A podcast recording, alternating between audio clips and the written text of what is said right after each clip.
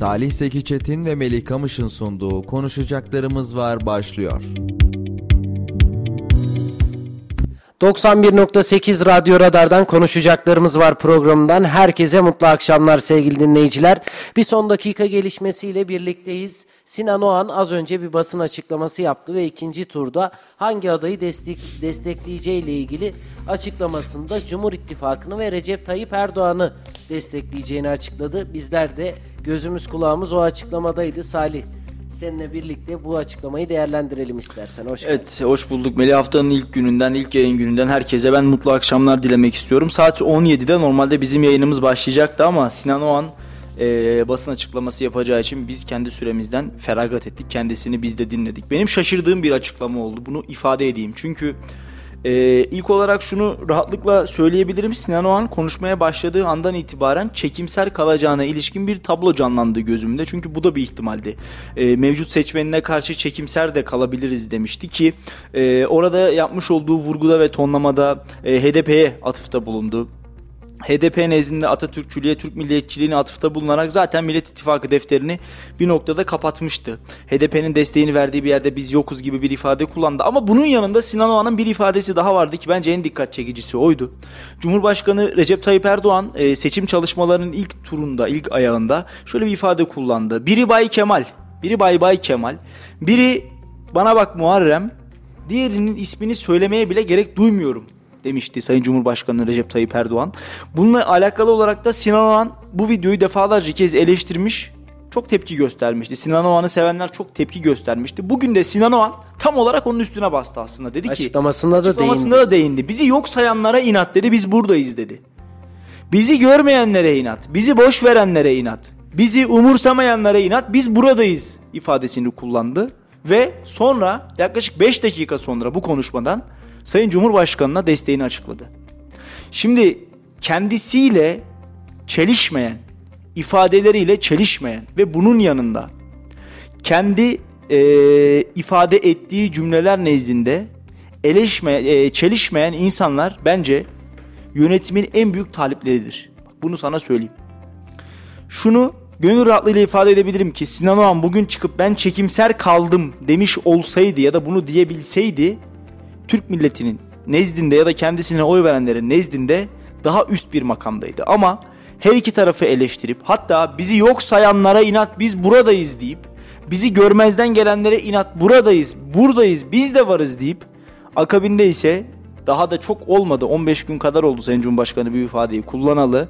Diğerinin ismini bile söylemeye gerek duymuyorum cümlesine atıfta bulunup sonra Sayın Cumhurbaşkanı'na desteğini açıklaması gerçekten manidardı. Çok ilginç geldi bana onu söyleyeyim. Ha Sinan Oğan 2,5 milyon oy aldı. Kemal Kılıçdaroğlu'nu desteklemiş olsaydı Sinan Oğan ne kadarını Kılıçdaroğlu cephesine götürebilirdi?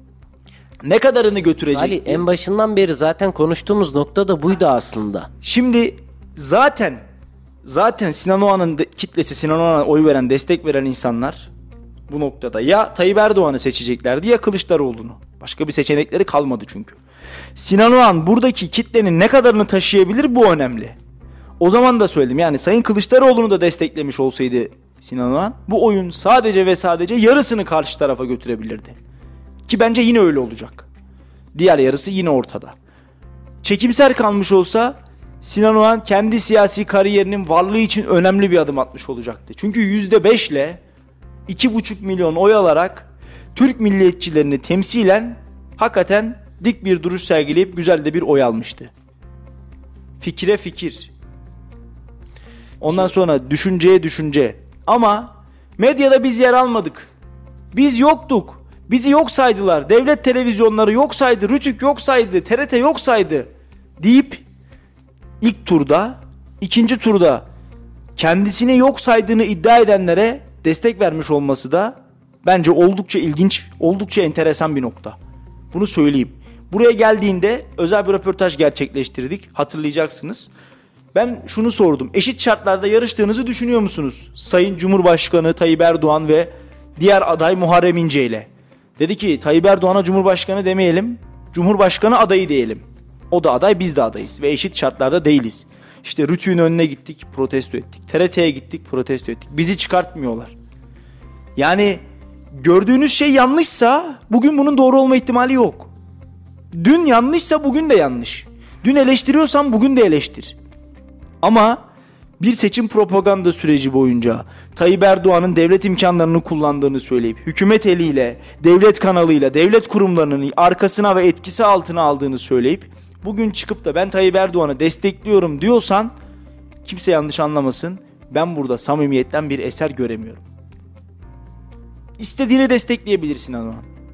Kendisine oy verenlerin problemi benim değil. Bizim bir tane oyumuz var gidip onu kullanırız problem değil. Lakin şunu merak ediyorum.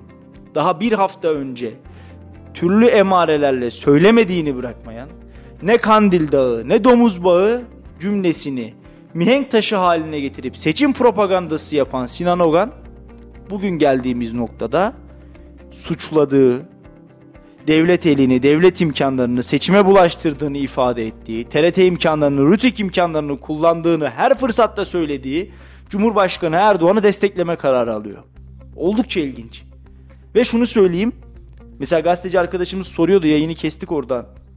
Cevap vermeyeceğim dedi. Heh, neden görüşmediniz görüşmediniz? dedi. Yani Kemal Kılıçdaroğlu'yla neden görüşmediniz? Ki bunu eleştirdim. O gün yine görüşmenin olduğu gün yine eleştirmiştim. Sayın Ümit Özdağ Kemal Kılıçdaroğlu'yla görüşmeye gittiğinde Sinan Oğan ne yapıyor? Hastayım diyor gitmiyor. sebebiyle. Ve bir saat sonra Cumhurbaşkanlığı çalışma ofisinde Dolmabahçe'de Sayın Erdoğan'la fotoğrafı paylaşılıyor. Ne perhiz ne lahana turşusu. Aslında Salih yani süreci en başından alacak olursak işte yüzde beşlik bir oy dilimi. Melih, Aslında e, yüzde beş özür dilerim. Şunu söyleyeyim. Siyasetçi dik durmalı. Pet şişesi bile burada masada dimdik durabiliyorken siyasetçi dediğin dik durmalı. Söylem güzel evet Sinan Oğan bugün efendi bir siyasetçi. Dik bir siyasetçi. Duruşu olan bir siyasetçi. En azından bizim ilk tur izlenimlerimiz böyleydi. Üçüncü yoldu. Helal olsundu. İmkansızlıklarla mücadele ettiydi. Biliyorsun bizim insanımız mazlumu sever, mazlumun yanında olur. İşte milyonlarca lira bütçe harcayan AK Parti ve Cumhuriyet Halk Partisi'nin nezdinde karşısında daha düşük ve daha minimize bir bütçeyle seçmene ulaşandı, insana ulaşandı. Bugün ne oldu da bu kararından, bu fikrinden vazgeçti bilmiyorum. Yani benim kafamda en azından bugüne kadar hatta saat 17'ye kadar, 17.20'ye kadar oluşmuş Sinan Ogan profili bugün itibariyle çok farklı bir noktaya, bu dakika itibariyle çok farklı bir noktaya evrildi. Kemal Kılıçdaroğlu'na bu desteği verseydi de aynı şeyleri söyleyecektim. Çünkü ne Kandil Dağı derken Kemal Kılıçdaroğlu'nu ne Domuz Bağı derken Hizbullah'la özdeşleşmiş Hüdapar'ı meclise sokan AK Parti'yi işaret ediyordu Sinan Oğan. Çekimser kalmalıydı bence. Çekimser kalmalıydı. Çünkü sen bir cumhurbaşkanı adayısın. Muharrem İnce'yi ben bu konuda takdir etmek istiyorum. Çekildi ve sessiz kaldı. Ne şunu ne bunu diyor destek göstermedi. Yani şu insana ya da bu insana destek vereceksiniz demedi. Sadece ve sadece sessiz kaldı. Ve seçmeni ne istiyorsa oraya gitti. Yani zaten orada bir aday var. Ve onlar sizin rakibinizdi. Sizden daha fazla oy alan rakiplerinizdi. Ne oldu şimdi? Dün ülke yönetmeye talipken bugün ben seçilemedim siz daha iyisini yapıyorsunuz hadi buyurun mu? Bu işin çözüm ve çıkar yolu. Bu mu? Bak Türk siyaseti yakın tarihte yapılmış hataları yıllar sonra ne derece etkisi altına aldığını bizlere gösterecek. Bu lafımı kayıtlara zaten geçiyor. Unutmayın umarım bir gün bir yerlerde tekrar tekrar videoların arkasına edit yapıp koyarlar. Türk siyaseti yakın tarihte yapılmış hatalarla hatırlanacak ve gündeme gelecek yıllar sonra. Nelerdi bunlar? 1. Meral Akşener'in masadan kalkması. 2. Meral Akşener'in masaya oturması. 3. Geçtiğimiz seçimde HDP ittifakının HDP'nin e, aleni olmasa da verdiği desteğin zararını görüp hala HDP ile bir şeyler yapmaya çalışan Cumhuriyet Halk Partisi'nin hali tavrı. 4. Daha henüz seçime girmemiş ve bölük pörçük yüzde kaç alacağı belli olmayan siyasi partilere babasının bağından üzüm bağışlar gibi bakanlık, cumhurbaşkanı yardımcılığı, milletvekilliği dağıtan Kemal Kılıçdaroğlu. 5. Bu kadar yıpranmasına rağmen ve tam 9 seçim kaybetmesine rağmen hala ısrar ve inatla yıpranmamış aday algısını yaratıp sonra ben bu seçime aday olarak gireceğim diyen Kemal Kılıçdaroğlu. 6 ne Kandil Dağı ne Domuz Bağı derken tarafsız kalması gereken bir cumhurbaşkanı adayı fakat fakat burada kendi söyledikleriyle çelişip Cumhurbaşkanı Tayyip Erdoğan'a destek veren bir Sinan Ogan. Bu, bu isimleri ve bu olayları lütfen unutmayın. Çünkü bunlar siyasetimizin yakın tarihinin belki 3, belki 5, belki 6 yılının bize getirmiş olduğu hatalar silsilesi. Ve bizler şunu göreceğiz. Türk siyaseti önümüzdeki yıllarda ne gibi hatalar yapmış ve nelerle karşılaşmış. Bu soruların cevabını en yakın şekilde alacağız. Ha, bir hata daha vardı. O da İyi Parti'nin liste faciası. Parayla satılan sıralamalar, listeler. Sadece Kayseri değil Türkiye'nin dört bir yanından aynı sıkıntılar, aynı hatalar ve İyi Parti'nin bugün geldiğimiz noktada e, anketlerde çıkan %13'lük, 14'lük, 15'lik banttan ziyade %9'larda kalmasının en büyük sebebi listelerin çok üzülerek söylüyorum türlü iddialarla parayla insanlara satılmış olması. Türk siyaseti satılık bir kurum değildir. Türk siyasetinde makamlar, Türk siyasetinde mevkiler sizlerin cebindeki 3-5 milyon dolarla satın alabileceğiniz bir yer değildir. Ama maalesef son yıllarda liyakatsizliğin bu kadar tavan yaptığı, yalnız ve yalnızca zenginlerin söz sahibi olduğu, iş insanlarını meclise gönderdiğimiz, çiftçinin, emekçinin, gazetecinin meclisin kapısından bile zar zor geçtiği, vekil olamadığı bir sistemde ancak ve ancak o koltukları parayla satabilirdiniz zaten. Geldiğimiz noktada üzülerek söylüyorum. Türk siyaseti öyle zannediyorum ki uzun yıllar boyu hatırlanacak hatalarla dolu ve maalesef atalarımızın kanla canla aldığı o mebusluk koltuklarını, o Büyük Millet Meclisi'ni, Gazi Meclisi'ni iş insanları, paralı adamlar işgal etmiş durumda. Şimdi Bugün hala siyasetini öyle. konuşalım Salih ama Çok bir özür dilerim, sözünü Sinan Oğan'la ilgili bir şey soracağım. Şimdi Kemal Kılıçdaroğlu ile görüşmedi Sinan Oğan. Ardından rahatsızlığı sebebiyle Şunu ekleyeyim. Kemal Kılıçdaroğlu'na da desteğini açıklasaydı birebir kuracağım cümleler aynıydı Sinan Oğan için. Ben çekimser kalmasını bekledim. Biz ilk başta ne dedik? Zaten seçimler belli olduktan sonra Sinan Oğan'ın bir ilkesel bir tabanı yok. %5 a- oy aldı ama bunlar çoğu tepki oylarından da aslında kaynaklanıyordu. Kime oy vereceği değil aslında tabanını nasıl yönlendireceği önemliydi. Şimdi konuşmasını dinlerken o esnada da söyledim. Sinan Oğan açıklama yapıyor evet. Diyor ki işte bir tarafta milliyetçi olarak kendini nitelendiren kimseyi bulamadık ve biz çalışmalarımıza hız kazandırdık. Ve ardından ikinci tura kaldığında insanlar çekimser mi olacak acaba ya? Bir taraftan Kemal Kılıçdaroğlu'na sallıyor, bir taraftan Erdoğan'a sallıyor diye kendi kelimeleri içerisinde bile çekişmeler vardı. Ve en sonunda dedi ki işte ben Cumhurbaşkanı Erdoğan'ı ve Cumhur İttifakı'nı destekleyeceğim. Şimdi bu Cumhurbaşkanı Erdoğan'la görüşme sonrasında Sinan Oğan'ı daha aktif bir rolde görebilir miyiz siyaseten? Yani eee, bu arada Ümit Özdağ da bir açıklama yapmış. Evet şimdi son dakika bir tweet paylaşayım. Biliyorsun Ata İttifakı dağılmıştı zaten. Sayın Sinan Oğan'ın açıklaması sadece kendi politik tercihidir. Bu açıklama Zafer Partisi'ni temsil etmemekte ve bağlamamaktadır.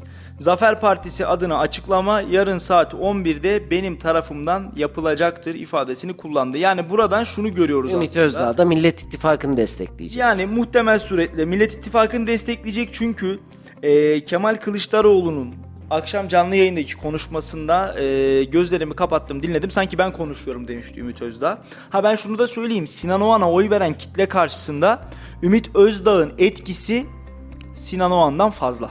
Çünkü Zafer Partisi Sinan Oğan'la var olmadı. Ümit Özdağ'yla var oldu. Genel başkanlığını kendisi yaptı hala yapıyor ve e, oradaki kitle ona gönül veren insanlar da zaten Sinan Oğan'ı destekleyen büyük bir kesim o orası yani. O yüzden bugün Zafer Partisi'nin de almış olduğu %3'lük bir oyu hesaba katacak olursak e, Zafer Partisi de Kemal Kılıçdaroğlu'nu muhtemelen destekleyecek ya da çekimser kalacak Zafer Partisi onu söyleyeyim onu da bilmiyoruz ama Ümit Özdağ hiç belli olmaz. Ümit Özdağ'ın sağı solu belli değil evet onu da söyleyelim. Ee, ama sana şunu söyleyeyim Melih. Ee, gerçekten ciddi manada kartların yeniden karılacağı. Hani diyor ya Orta Doğu'da kartlar yeniden karılıyor diye. Türkiye siyasetinde ikinci tur için kartların yeniden karılacağı bir döneme bir sürece giriyoruz. Ee, ama buradaki en önemli husus bu seçimin kazananı ve galibi kim diye sorarsan bana kesinlikle ama kesinlikle bir Milliyetçi Hareket Partisi'dir. İki %1'lik %2'lik oylarıyla Cumhuriyet Halk Partisi'nden 35 vekil alan Gelecek, Deva, Saadet, Demokrat Parti dörtlüsüdür. Seçimin kaybedeni kimdir diye sorarsan kesinlikle ama kesinlikle Cumhuriyet Halk Partisi'dir. Ben önce sorumun cevabını alayım da. Biraz önce de sormuştum ya. Sinan Oğan artık biliyorsun destekleyeceğini de açıkladı. Sinan Bu saatten Oğan'ın- sonra aktif olarak siyasette durur mu? Ee, devlet nezdinde, devlet kademesinde bir görev alacağını düşünmüyorum. Bakanlık, bakan yardımcılığı, cumhurbaşkanı yardımcılığı gibi e, görevler alacağını zannetmiyorum. Ee, bu saatten sonra Sinan Oğan'ın halk karşısındaki karşılığını da hep birlikte göreceğiz ki bunu da zaman ve süreç tayin edecek aslında. Yani vatandaşların sandığa yansıması birazcık Sinan Oğan'ın e, etkisini bize gösterecek. Örnek veriyorum Sayın Cumhurbaşkanı ilk turda kaç oy aldı? 27 milyon, 28 milyon. Sinan Oğan'ın kaç oyu var? 2,5 milyon. Bu seçimde Sayın Cumhurbaşkanı'nın oyu 30 milyon olmadıysa Sinan Oğan'ın bir etkisi olmamış, bir desteği olmamış. Ya da Sayın Kılıçdaroğlu'nun örnek olarak söylüyorum 30 milyon, e, 28 milyon, o da 24 milyon aldı. 26 milyon, 27 milyon oyu olmadıysa Sinan Oğan'ın bir etkisi olmayacakmış. Yani bunu böyle de değerlendirip böyle de görebiliriz. Ee, ama şunu söyleyeyim Cumhur İttifakı'nda e, gel sana şuradan bir görev verelim mantığı yok. Yani bugün olsaydı bunu Cumhuriyet Cumhur İttifakı'nın en büyük paydaşı Milliyetçi Hareket Partisi'nin alması gerekiyordu. Ben hep şunu söylüyorum. Ee, yıllarca şöyle bir algı oturdu belki insanların kafasında. Milliyetçi Hareket Partisi AK Parti'ye mecbur gibi bir algı sanki tabana oturtulmuş durumda ama 2-3 gündür hep aynı şeyi söylüyorum. Hatta e, dost sohbetlerinde de aynı şeyleri ifade ediyorum. Geldiğimiz noktada e, AK Parti'ye mecbur olan Milliyetçi Hareket Partisi değil, Milliyetçi Hareket Partisi'ne mecbur olan bir AK Parti'yi görüyoruz. Çünkü Milliyetçi Hareket Partililer Tayyip Erdoğan'a oy verdi. Ama AK Partililer Milliyetçi Hareket Partisi'ne oy vermedi. Milliyetçi Hareket Partisi kendi oylarıyla var oldu ve bu şekilde de olmaya devam ediyor. Cumhur İttifakı tüm paydaşları için aynı şey geçerli. Yeniden Refah Partisi de 5 milletvekilini AK Parti'den almadı. Kendi oylarıyla aldı. Listeleriyle. Kendi listeleriyle aldı. Ya da Büyük Birlik Partisi hiç vekili yok ama onlar da kendi listeleriyle girerek bu oy oranını aldılar. Bundan dolayı Cumhur İttifakı'nda gel sana da şuradan bir mevki verelim, bir makam verelim, birkaç vekillik verelim, biraz bakan yardımcılığı verelim, bakanlık verelim gibi bir anlayış söz konusu değil. Milliyetçi Hareket Partisi 2018'den bu yana bu ittifakın içerisinde ve kurucu olduğu bir ittifak. Ama hiçbir e, Milliyetçi Hareket Partili'nin bakan olduğunu ya da bakanlık nezdinin Milliyetçi Hareket Partisi'ne resmen verildiğini görmedik. Ki Sinan Oğan'ın %2,5'luk oyla böyle bir şeyi alması da pek mümkün gözükmüyor. Ha bu Sinan Oğan için Milliyetçi Hareket Partisi'ne bir dönüş emaresi olabilir mi dersen evet işte o zaman sana e, bu kararın Sinan Oğan'ın yakın gelecekte ya da önümüzdeki yıllarda Milliyetçi Hareket Partisi'nin eski sonuçta eski Milliyetçi Hareket Partili ve herhangi bir yere gitmedi Sinan Oğan Türk milliyetçisi. Sinan Oğan'ın MHP kadrolarına geri dönmesi için belki de bu nokta bir e, ışık yeni bir yol olabilir. Ama onun dışında ben devlet kademesinde kendisine bir kadro verileceğini, bakanlık, bakan yardımcılığı ya da cumhurbaşkanı yardımcılığı gibi e, devletin üst kademesinde bir göreve sahip olabileceği ihtimalini pek yakın ve mümkün görmüyorum. Ve bugün aslında önemli kararlardan bir tanesini de yaşadık. Şu seçim sürecinin geçtiğimiz günlerde de baktığımızda her açıklama aslında yakın siyasi tarihimize yön veren gelişmeler yaşanıyor Salih. Yani Merve de biraz önce söyledi. Saatler saatleri tutmuyor Türk siyaseti açısından. Şu saatte bir karar alabiliyorsunuz, bir açıklama yapıyorsunuz ama birkaç saat sonra kararınızın değiştiğini farklı bir basın açıklamasıyla yine kamuoyuna duyuruyorsunuz. O yüzden yani bu yaşadığımız süreçler aslında not alınıp ileride tarihi olarak da tekrar karşımıza gelip büyük derslerin çıkartılması gereken önemli etmenler diye düşünüyorum aslında. Ama ikinci turla ilgili sence çalışmalar nasıl gidiyor? Nasıl bir süreç bizi bekliyor Salih? Ee, ya Melih hani buradaki şahsi fikrimi ve kanaatimi sorarsan ilk turdan çok da farklı bir seçim olabileceğini düşünmüyorum.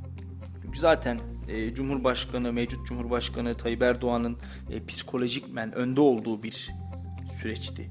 E, daha seçimler ortaya konmadan, propaganda süreci bile başlamadan Sayın Kılıçdaroğlu'nun adaylarının açıklanmasıyla birlikte Sayın Tayyip Erdoğan'ın psikolojik anlamda birkaç sıfır önde başladığı bir seçimdi. Ha bu biraz sosyal medyanın baskısı, biraz sosyal medyanın etkisi ya da anketlerin ortaya koymuş olduğu verilerle belki bir noktada kırıldı gibi gözüküyordu ama ee, geldiğimiz noktada bu psikolojik üstünlüğün sandığa yansıdığını ve ilk turda %5'lik, %4'lük bir farkın olduğunu hepimizin gözünün önüne serdi.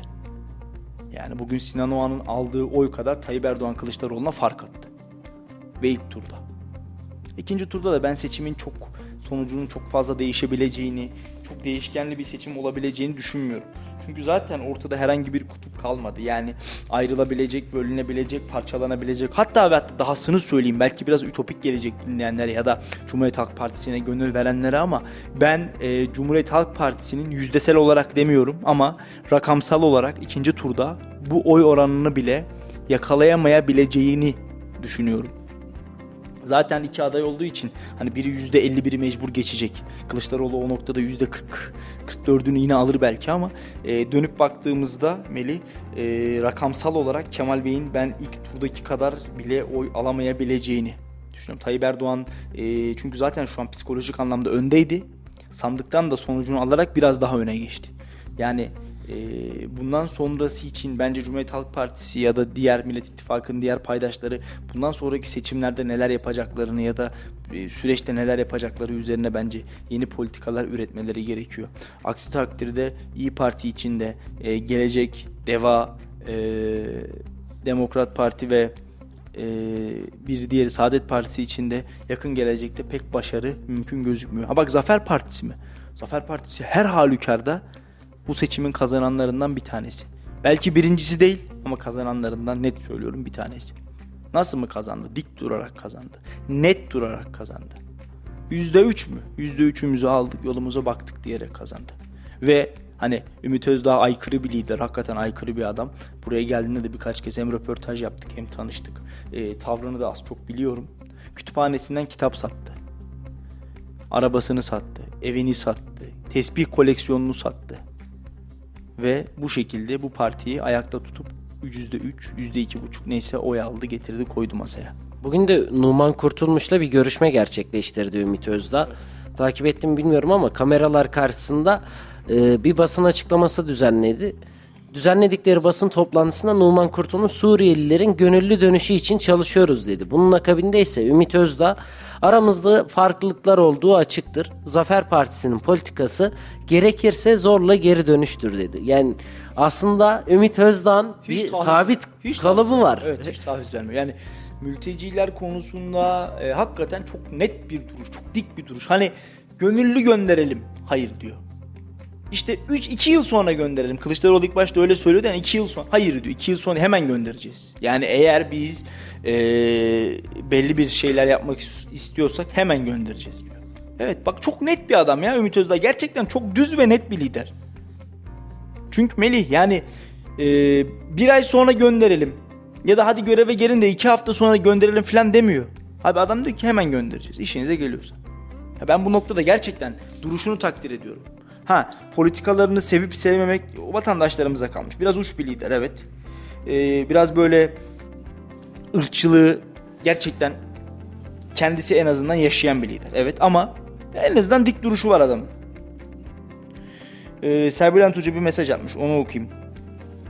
Değerli kardeşim demiş söylediklerinin bir bölümü doğru. Ama bir bölümü yanlış. Bence Kemal Kılıçdaroğlu mevcut oyunu arttıracak. Şöyle ki Babala TV yayınından sonra ciddi manada destek alacağını düşünüyorum. İnsanlarımız o yayını sıkılmadan izleyecektir ve ona göre karar verecektir. Birçok insan kararsız, birçok insan oy vermeye gitmedi ama kısa zaman içerisinde karar verip oy kullanmaya da gideceklerini düşünüyorum. Yani bu seçim farklı sonuçlara gebe gibi görünüyor ifadelerini kullanmış. Tabi yani hani e, belki ben yanılırım bilmiyorum. Sonuç olarak şey bir siyaset bilimci değilim ben sadece görüş beyan ediyorum düşündüğümü söylerim ama e, Tayyip Erdoğan'ın psikolojik olarak önde olduğu çok e, net bir şekilde ortada aşikar. Yani Serbülent Hoca güzel bir yöne değinmiş. Dün biliyorsun Babala TV'de Kemal Kılıçdaroğlu konuk oldu ve Bununla beraber de herkesin gözü kulağı o programdaydı. Sosyal medyada bile program esnasında neler oluyor, Melik nasıl bir Gökçek'le- ortam var diye. Melik Gökçek'le Oğuzhan Uğur'un e, atışması gerçekten çok enteresandı. E, Melik Gökçek Oğuzhan Uğur'a jelibon kafalı diye bir hakaret etmiş. Oğuzhan Uğur da gayet e, net ve soğukkanlı bir cevapta "Evet, haklısınız Sayın Gökçek çok tatlıyım diye yanıt vermiş. Yani Sosyal medyayı iki iyi kullanan isim diyebiliriz. Oğuzhan Uğur Diyemeyiz. için de, Yok kesinlikle.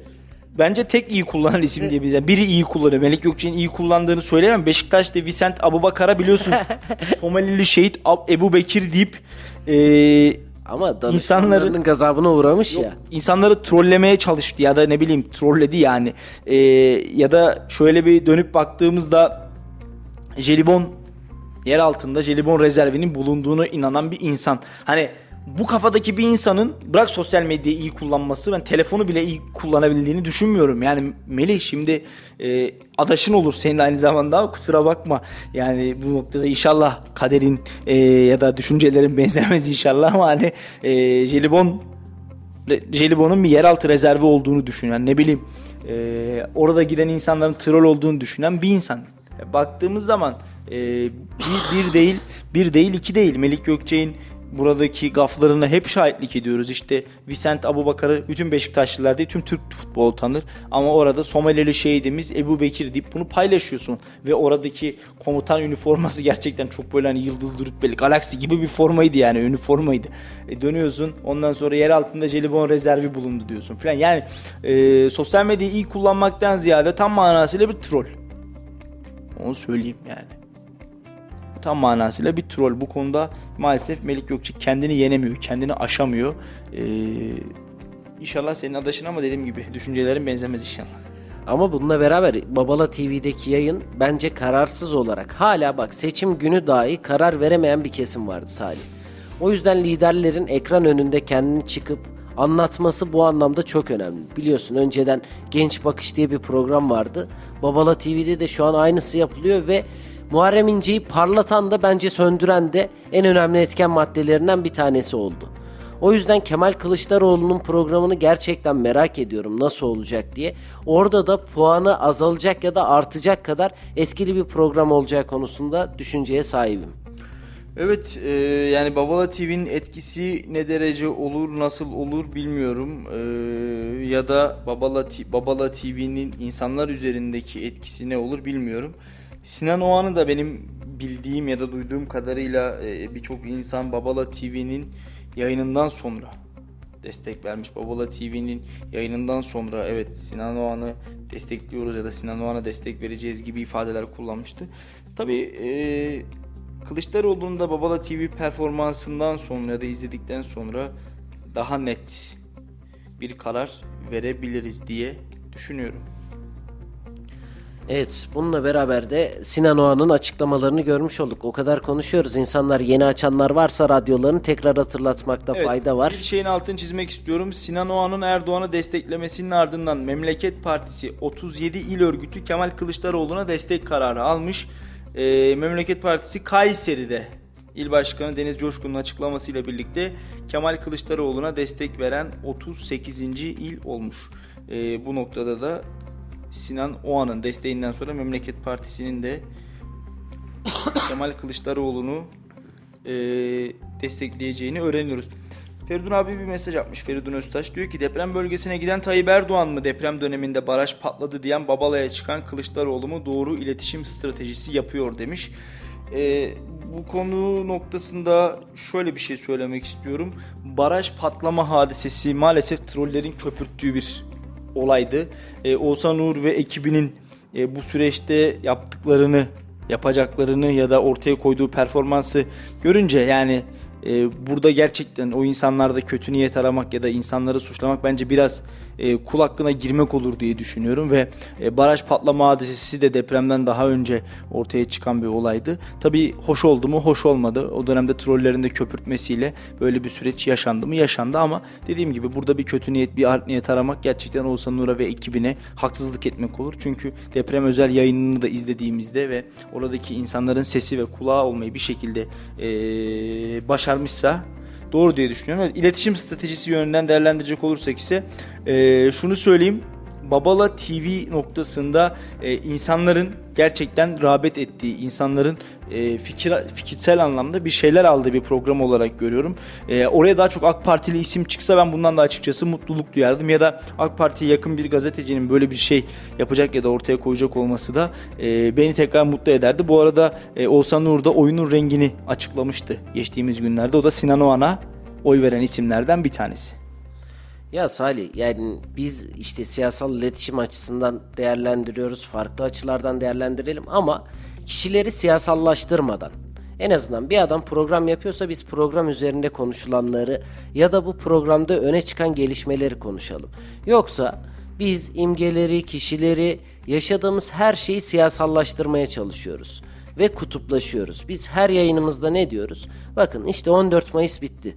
15 Mayıs'ta tekrar kameraların karşısına, mikrofonların başına her geçtiğimizde eşimizle, dostumuzla yeniden kaldığımız yerden devam ediyoruz. Bir seçim vardı, bitti ve ertesi gün normal hayatımız devam ediyor. 28 Mayıs'ta da aynı şey olacak. Seçime gideceğiz ve o gün sandıktan bir tane kazanan çıkacak. Kim çıkarsa çıksın 29 Mayıs'ta bizler eşimizle, dostumuzla, akrabalarımızla kaldığımız yerden devam edeceğiz muhabbetimize. Yani bir seçim için kalp kırmaya, gönül kırmaya gerek yok ve kutuplaşmaya gerek yok. Gerek yok. O yüzden yapılan bir iş var mı? İşe bakalım. Kişisine değil. Tabii ki onları farklı zamanlarda farklı açılardan illaki değerlendirilir ama insanlar işte Oğuzhan Uğur siyasi bir kavram olarak değerlendirilmesin. Mesela gençler üzerinde yaptığı başarılı programla değerlendirilsin. O yüzden lütfen biraz daha bu süreçte özellikle kutuplaşma sürecinde hassasiyetli olalım ve kimseyi kutuplaştırmadan olaylara yaklaşmayı deneyelim diyelim. İnşallah Melih güzel e, güzel temennilerinle bizlerin de gerçekleştirdiği bir yayın oldu, yayın son oldu. E, umarım doğru mesajları doğru yerlere ulaştırabilmişizdir. E, yayınımızın sonuna geliyoruz. Son olarak tekrar hatırlatalım. Sinan Oğan, e, Cumhurbaşkanı Tayyip Erdoğan'ı ve Cumhur İttifakı'nı destekleme kararı aldı. Ümit Özdağ da karar sadece Sinan Oğan'ı bağlar. Biz de yarın saat 11'de bir açıklama yapacağız ifadelerini kullandı. Memleket Partisi ile de ilgili bir açıklama vardı Evet sanırım. 38 il örgütü Kayseri dahil olmak üzere ikinci tur seçimlerinde Kemal Kılıçdaroğlu'nu destekleme kararı aldı. Onu da söyleyelim. Evet bize ayrılan sürenin bugün de sonuna geldik. Varsa Kızışıyor. son sözlerini siyaset alalım. kızı- siyaset kızışıyor. Siyasette saatler çok kritik Çok artık. kıymetli. Ee, şöyle baktığımızda bir haftadan daha kısa bir süre kaldı ikinci tura. Ee, öyle zannediyorum kıran kırana bir yarış bizi bekliyor. Sosyal medyayı yenileyemiyorum. Yenilediğimde sürekli yeni bir haber gelmiş oluyor. Ve böyle bir eksik bir geri kalmışlık içimde böyle bir şey oluyor sanki yani sanki geç mi kaldık algısı oluyor şu içimde. Peki, evet, teşekkür varsa ediyoruz. son sözlerini alalım sadece. Teşekkür ediyorum. Keyifli bir yayın oldu. Ee, yarın Allah'tan bir mani çıkmazsa Allah işi karışmazsa senin deyiminle tekrar burada olacağız. Hoşçakalın diyorum.